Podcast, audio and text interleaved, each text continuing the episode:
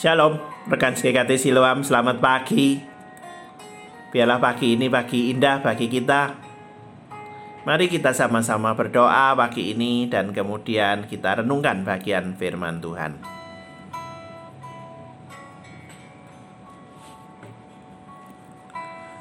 Kitab Nabi Sakaria Pasal yang keempat Ayat yang keenam dan yang ketujuh maka berbicaralah ia katanya Inilah firman Tuhan kepada Serubabel bunyinya.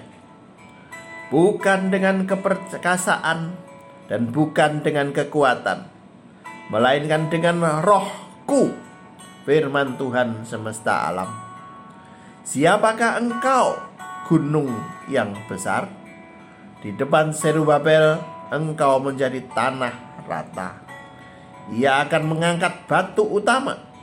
Sedang orang bersorak, "Bagus, bagus sekali batu itu." Penyebab terbengkalainya pembangunan bait suci, bait Allah zaman itu selama 14 tahun adalah ketidaktaatan umat Allah dan kurangnya iman. Selain itu, masing-masing sibuk dengan urusannya sendiri.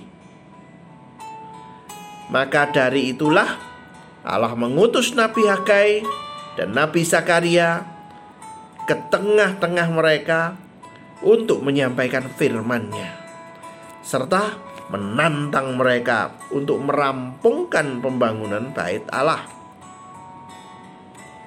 Serubabel adalah gubernur yang memimpin pembangunan bait Allah itu. Tuhan mengingatkan, mereka tidak usah gentar, walau mereka jumlahnya sedikit dan lemah. Yang akan membuat mereka berhasil bukan kekuatan mereka sendiri, melainkan roh Allah. Mereka diajar untuk mengandalkan kuasa Tuhan bukan mengandalkan kekuatan sendiri. Kata gunung melambangkan rintangan yang besar, persoalan yang besar, kuasa dunia ini yang besar yang menghalang-halangi umat Tuhan untuk melakukan pekerjaannya.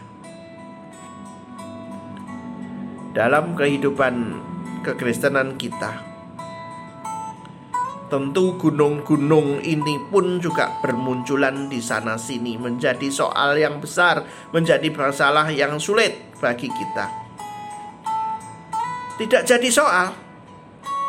Semua gunung, semua penghalang bisa diratakan, bahkan tercampak ke dalam laut bila kita hidup beriman dan menomorsatukan Tuhan Yesus dalam kehidupan kita. Memang kita lemah, tapi Tuhan kuat, seperti yang dialami Paulus. Sebab jika aku lemah, maka aku kuat.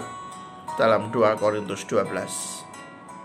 Orang yang lemah akan bergantung kepada kekuatan Tuhan. Maka ia menjadi kuat. Mari kita bergantung kepada Tuhan. Mari kita bersandar kepada Tuhan. Tidak ada yang mustahil bagi Tuhan, dan tidak ada yang mustahil bagi orang yang percaya kepadanya.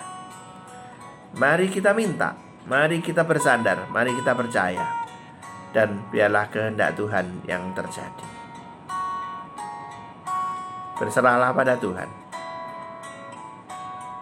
Selamat pagi rekan GKT Siloam. Tuhan memberkati kita semuanya.